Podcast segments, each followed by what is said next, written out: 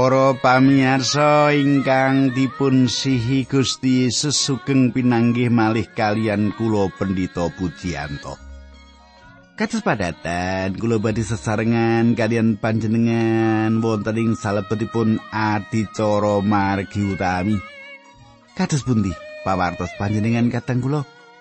Menapa panjenengan saya-saya kemawon? Kalau wingi kula pikanto telepon saking salah satu galipun sederek pamirsa Pak Puji kula bingah dene kula saged mirengaken margi utami. Wah, kok kados makaten nggih. Pak Budi Mulyono nggih. Nate telepon. Kala-kala saged nangkep radio kula niku kala-kala kok ora iso nggih kepiye nggih Nah, para pamirsa nggih kala-kala panjen naminipun hawa niku ngingatos makaten kala-kala sae kala-kala mboten sae nggih. Ora ana jaman ing donya iki apik kabeh mboten nah para pamirsa monggo nyaket kalian kula mriki sugeng midhangetaken adicara menika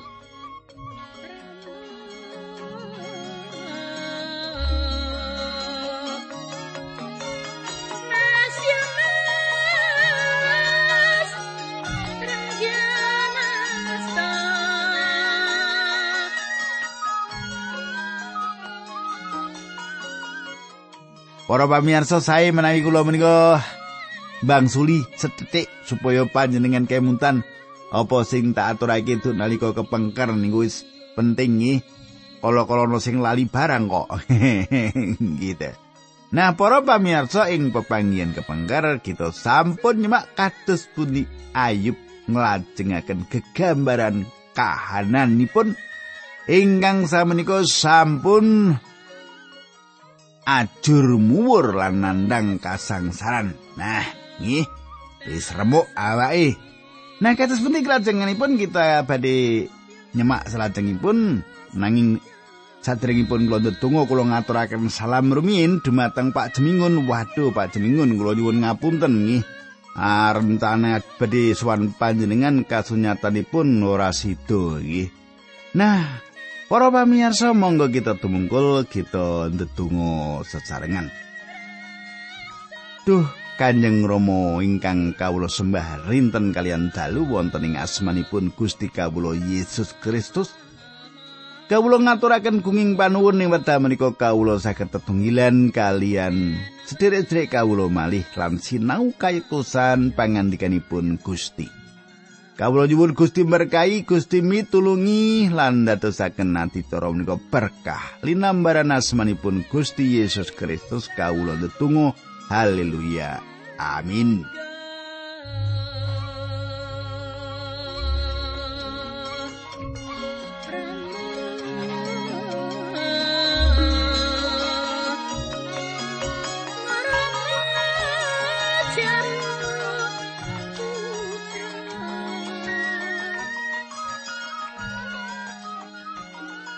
Para pamirsa samenika pasinon kita sampun lumebeting kitab Ayub tigang dosa badhe kula wacaken wiwit ayat songo awit ayat wolu lan sadaringipun sampun kita sinau.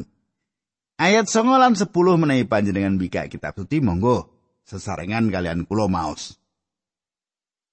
Saiki padha teko ngeguyu aku ngarani kananku lucu Aku dianggap asolan jijiki malah raiku padha didoni. Panjenengan tasih kemutan nggih. Nalika semanten nalika Ayub durung apa-apa menika Ayub diajeni nggih dihormati teng pundi-pundi nanging samenika kados ingkang kasrat kala wau. Nah, panjenengan gatosaken pilih para mitranipun Ayub menika ngolok-olok Ayub ganti ngginakaken nyanyian.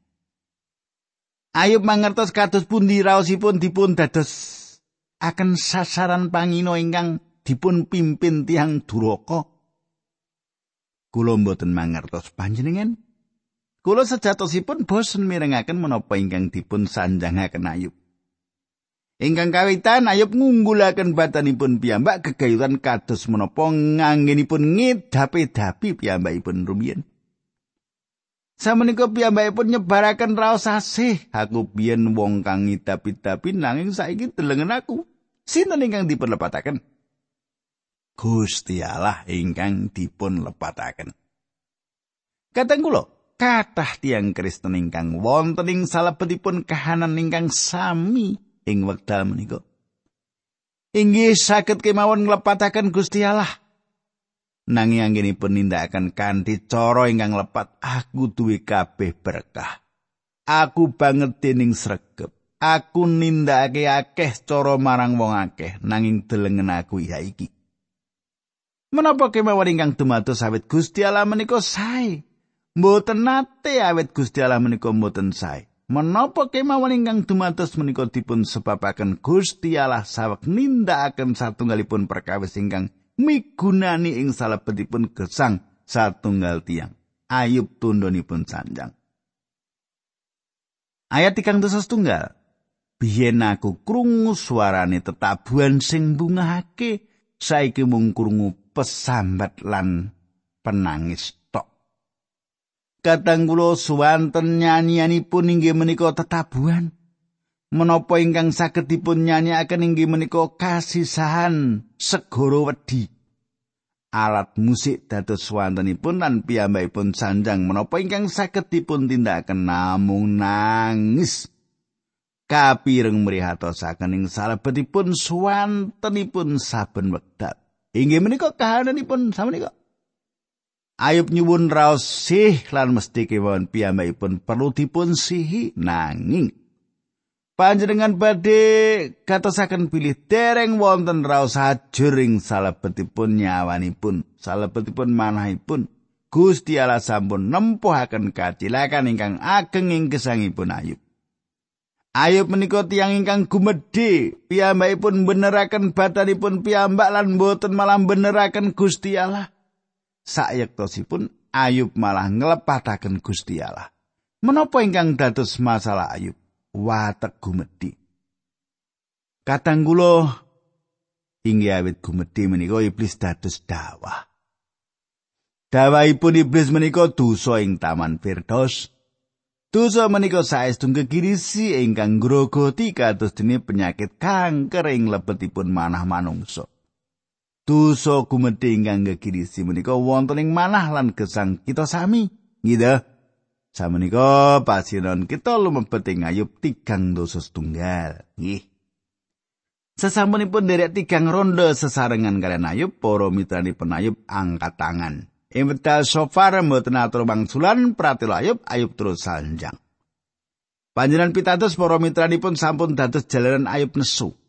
Katang kula, ing salah penting anggenipun ayub mbelani badan piyambak malah ndak wo Gusti Allah perkawis menika medal ngaten kemawon saking badanipun ayub ayub gada pemanggi pilih Gusti Allah lepat kan diparing paukuman dumateng piyambakipun Saketuki perkawis ingkang bodho piyambak ingkang dipun tindakaken tiyang inggih menika mbeneraken badan piyambak.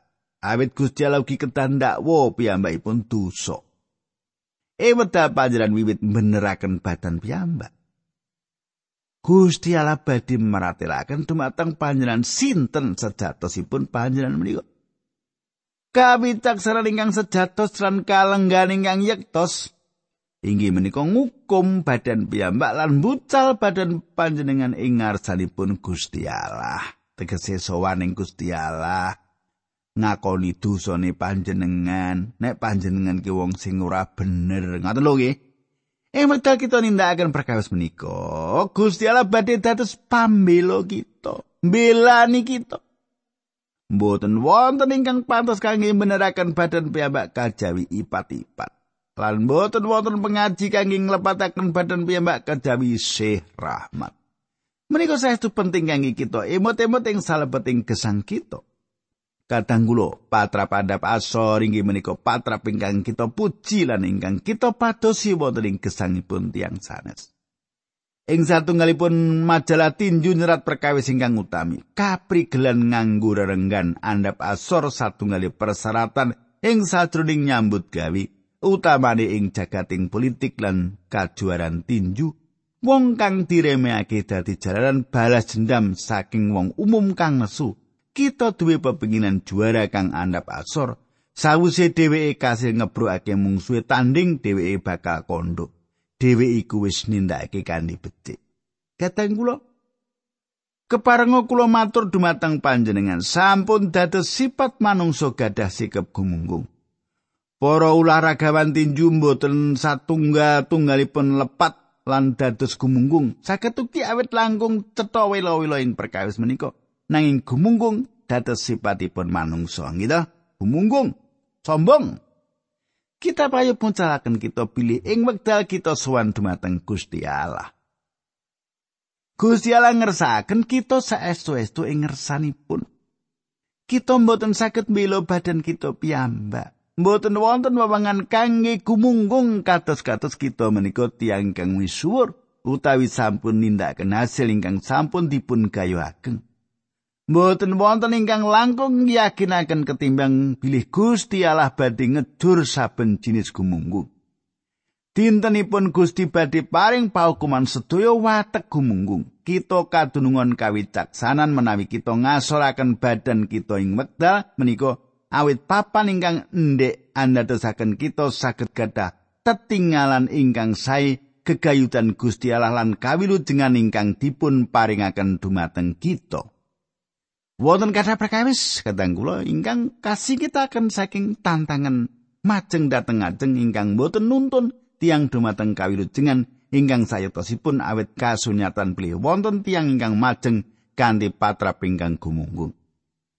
Kadang kula kula gadah kekajengan mangertos menapa panjenengan nate ngatosaken ing salebeting pangandikanipun Gusti Allah ingkang meratelaken pamratobat lan kados pundi Gusti Allah ngeparengaken. Mazmur 34 ayat 19. Allah cedhak karo wong sing atine semplah sarta mitulungi wong sing entek pengarep-arepe. Para pamirsa panjenengan semak pamratobat sejatos kalebet ing perkawis menika. Kita perlu mangertos bilih inggih menika ingkang dipun tindakaken Daud. Panjenengan pirengaken Daud ing salebetipun Mazmur panebusing dosa ing wekdal piyambakipun ngakeni dosanipun. Mazmur 50 setunggal ayat 19. Korban ingkang katrima ing Allah menika roh ingkang remuk. Mana ingkang ngajur muwur duh Allah. Menika paduka mboten nampi kadang kula ewetal panjenengan sowan dumateng Gusti Allah kangge bisnis kalian panjenenganipun? Panjenengan mboten sowan dumateng Gusti Allah kangge dagang kalian panjenenganipun kanthi aturan ingkang imbang lan masrahaken amal panjenengan ingkang sekedhik dumateng panjenenganipun kita perlu mangertos bilih kita hanya kati Allah lumantar pamratobat. Perkawis menika dipun wucalaken ing kitab suci sawetahipun sebab mangkaten pangandikanipun ingkang maha luhur lan ingkang maha mulya ingkang ada dampar kangge salaminyo lan ingkang maha suci naminipun. Yesaya seket pitu ayat kang sawelas. Aku iki kang maha luhur, Allah kang maha suci, kang gesang langgeng. Aku lenggaing swarga sing luhur lan suci, nanging uga dedalem ana ing atine wong sing ngandhap asor lan langsani dosani supaya aku ngedekake atine lan gugah pangarep-arepe. Perkawis kangge apa trap ada pasor lan ngrasaken remuk nyawa sanes satunggalipun masalah kangge politikus lan olahragawan tinju. Menika satunggalipun perkawis ingkang dipun adepi tiang pitados jaman samenika utaminipun tiang-tiang ingkang wonten ing jagating peladusan Gusti. Kadang kula manut kula komengsun lan ngunggul-unggulaken badan piyambak sampun langkung kedadar ing wedal tiang-tiang pitados ngatosaken kesagetanipun minangka para pelados Gusti Yesus Kristus. Panjenenganipun ingkang Filipi kali hayat itu malah saka kersane piyambak panjenengan ing ngrucat kamulyani sarta ngagem sipati abdi. Saestu lelawanan kalian Gusti Yesus. Watek gumunggung ngasring dumados ing salebetipun gesang. tiang-tiang ingkang ginakaken nami Gusti Yesus lan sanjang bilih piyambakipun menika tiang ingkang pitados. Tiang-tiang Kristen ingkang kebak raos sengit remen pamer lan balilo ing salebetipun peladosan kekristenan sejatosipun tiang-tiang ingkang mangertos aturan. Ing perangan pungkasan menika ketingalipun Ayub saestu mboten nutut manah. Ayub nembe kemawon sanjang bilih piyambakipun menika tiang ingkang misuwur gadah daya pengaruh lan sae. Selajengipun piyambakipun nyuwun raosih kegayutan kahananipun. jaluk kawelasan. Sawetawis piyambakipun ngringkes imbal wacananipun ing salebetipun pasal menika piyambakipun tasih ngakeni bilih piyambakipun menika tiang ingkang saestu sae. Bab tigang dosa setunggal ayat setunggal. Aku janji nganggo sumpah ora bakal ndelengake prawan kanthi rasa birai. Para pamirsa panjenengan katosaken Ayub meratelaken cetha sanget bilih piyambakipun nglampahi gesang kanthi resik Piyambakipun mboten mlajeng dhateng mriku-mriki lan mburu tiang setri piyambakipun gadah kekajengan tiang-tiang mangertos piyambakipun mboten nindakaken dosa lagu jino. Ayat kali lan tiga. Apa pedamele alamarang kita kepriye nggone males penggawene manungsa wong durusira rak mesti ketiban paukuman lan wong ora mesti tiwas. Kadang kula ayub tasih nuting tiang sana singkang nindakaken perkawis-perkawis kados makaten menika lan piyambakipun sanjang pilih tiang-tiang menika badhe dipun hukum. Piyambakipun boten saged ningali kenging menapa piyambakipun kedah dipun hukum kejem sawetawis piyambakipun menika tiang ingkang sae. Piyambakipun meh nyoklek lengenipun awit ngepok-epok geger terus-terusan. Ayat sekawan ngantos 6 bab tigang dosa setunggal. Allah pirsa penggawiku kabeh. Tindak tandukku tansah digatosake. Aku wani sumpah yen durung tau tumindak selingkuh, durung tau aku ngapusi. Karepen aku ditimbang nganggo timbangan keadilani Allah mesti bakal pirsa yen aku ora salah. Kadang kula Ayub mbombong anginipun gadah kejujuran lan kemurnian. Piyambakipun badhe sowani ngarsanipun Allah mboten dangu malih. Lan piyambakipun badhe saestu-estu ningali badanipun piyambak. Salajengipun piyambakipun boten saged ningali kejujuran lan kemurnian ingkang tasih dipun raosaken ayat pitu wolu songo sepuluh lan sebelas bab tigang nusus tunggal. Saupama aku nyleweng saka dalan sing bener utawa atiku kepencut marang perkara sing kotor yen tanganku najis dening dosa Karpen wong liya sing mangan asile sing ndak tandur lan asile lemahku rusak kabeh. Saupama aku tau kepencut marang bojone tanggaku lan karo ndelik ndak injen saka mburi lawang, bojoku karepen olah-olah kanggo wong lanang liya lan dituruni wong lanang liya. Menawa aku nglakoni dosa sing mengkono sak pantese aku tampa pahukuman. Kadang kula Ayub sanjang pilih menami piyambakipun sampun gesang boten setia utawi boten leres. Kersanipun semaipun dipun pendet saking sandingipun. Piyambakipun dereng nate gesanging salebetipun dosa kados tiang sanes. Lan kula pitados bilih sedaya ingkang dipun sanjangaken Ayub menika saestu-estu pas.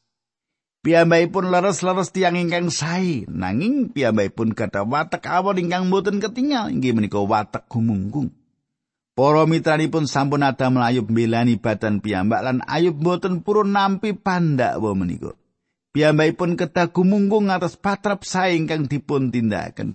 Kita ningali perkawis ingkang sami dipun tindakaken tiang Kristen jaman-jaman iku. Menawi putranipun Gusti Allah ngegungaken badanipun piyambak menika sami awonipun kados gadah bedil lan mejahi tiyang. Para pamirsa, watek gumedhe ing antasipun tiang Kristen inggih menika salah satunggal jalaran kenging menapa gereja kita adem ayem wekdal menika. Dingin adem ayem nggih. Tiang lenggahing bangku gereja lan gadah pikiran bilih gesangipun sae saiki mawon. Menawi panjenengan kesangin salebetipun Gusti Yesus Kristus, pramila panjenengan sampun wilujeng nanging sinten kemawon panjenengan. Gesang panjenengan boten selaras kalian ukuran Gusti Allah. Kados mekaten ugi kula. Ayat 13 lan 18.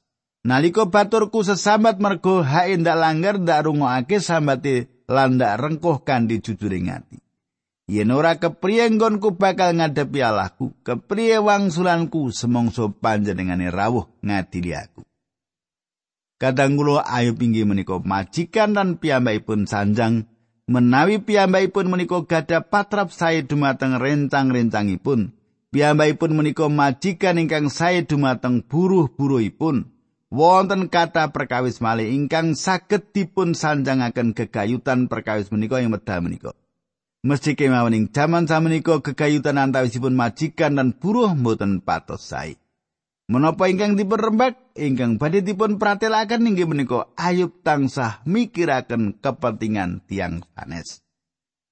Ayat 16 ngantos 22 dawa sangat nggih. Makaten surasipun bab 31 ayat 16 ngantos kalih likur. Durung tahu aku nampik ora mitulungi wong keserakat utawa negake wong rondo semplatine. Durung tahu aku negake bocah lolo kaliren mongko aku kecukupan pangan malah wiwit cilik ndak rumati ndak didik sajeke uripku. Yen aku weruh wong kacing kerangan sing ora bisa tuku sandangan wong mau ndak nggoni klambi wul saka wulune wedhusku dhewe. Aku bakal dialem kanthi tulusing ati. Saupama aku tau ngapusi bocah lolo mergo yakin yen bakal menang perkaraku, mbok yo tugelo tanganku karo pisan lan sempal saka bauku. Kadang kula ayub cetha remen tetulung tiang melarat. Piyambakipun gadah satunggal program nanggulangi kemiskinan saderengipun tiang-tiang nindakaken. Piyambakipun ngrimat yatim piatu, ayub mbangsuli malih sedaya kasainanipun. Piyambakipun mbombongaken samukawis ingkang sampun dipun tindakaken. Kulo pitados piyambakipun leres-leres nindakaken perkawis menika ugi. Nanging piyambakipun nglebetaken watek gumunggung ing salebetipun cariyosipun ing mriku ingkang dados kangenanipun. Piyambakipun terus-terusan sanjang. Sak suwene iki aku tansah asikep apik kani mengkono. Gusti Allah ora adil kanthi ganjar aku kaya mengkene. Gusti Allah luput. Kita kedah tansah ngluhuraken asmanipun Gusti Allah atas samukawis lan saged ningali badan kita ing kalenggahan lebu ing ngarsanipun panjenenganipun. Para pamirsa kita lajengaken ayat 29 lan 30 durung tahu aku bungah mergo mungsuhku nandang sengsara. Utawa bunga-bunga mergo dheweke nemu cilaka. Aku ora ngiki patine mungsuhku ora tau aku gawe dosa sing mengkono Panjenengan tingali ayub sanjang bilih piyambakipun mboten abing-abinga ing wekdal mangsaipun dawah kesandung lan nglampahi kangilan. Piyambakipun sanes tiang awon. Ayat 33 ngantos 36. Wong liya padha nutupi dosane nanging aku ora tau mengkono. Aku ora wedi marang panemune wong akeh, pamoyoke wong aku ora peduli. Ora tau aku ndelik ana ing omah mergo wedi dicek ing wong.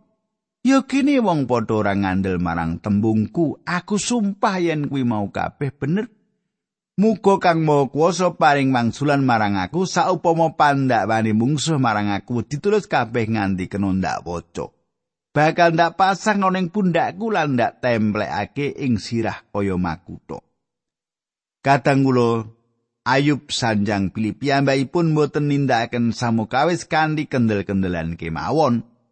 Piyambakipun kata pengajeng-ajeng para mengsaipun badhe nyerat menapa ingkang dipun pikir kekayutan piyambakipun lan piyambakipun boten kawratan kangge nyentelaken dasi utawi kados makutha ing sirahipun kanthi makaten saben tiyang saged ningali piyambakipun. Saestu kumunggung ayub menika.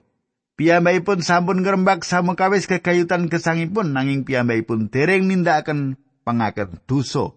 Kegayutan langenipun gumunggung Ayub rumaos leres ing mripatipun piyambak nanging Ayub mboten leres ing ngarsanipun Gusti Allah. Para pamirsa, makaten katerangan kula.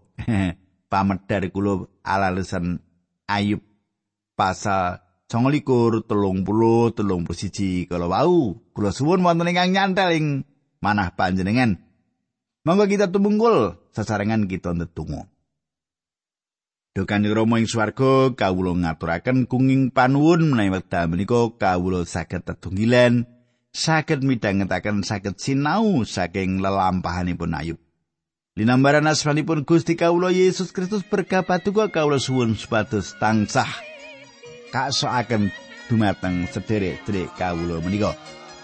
Linambaran asmanipun Gusti Yesus kawula tetunggo haleluya amin.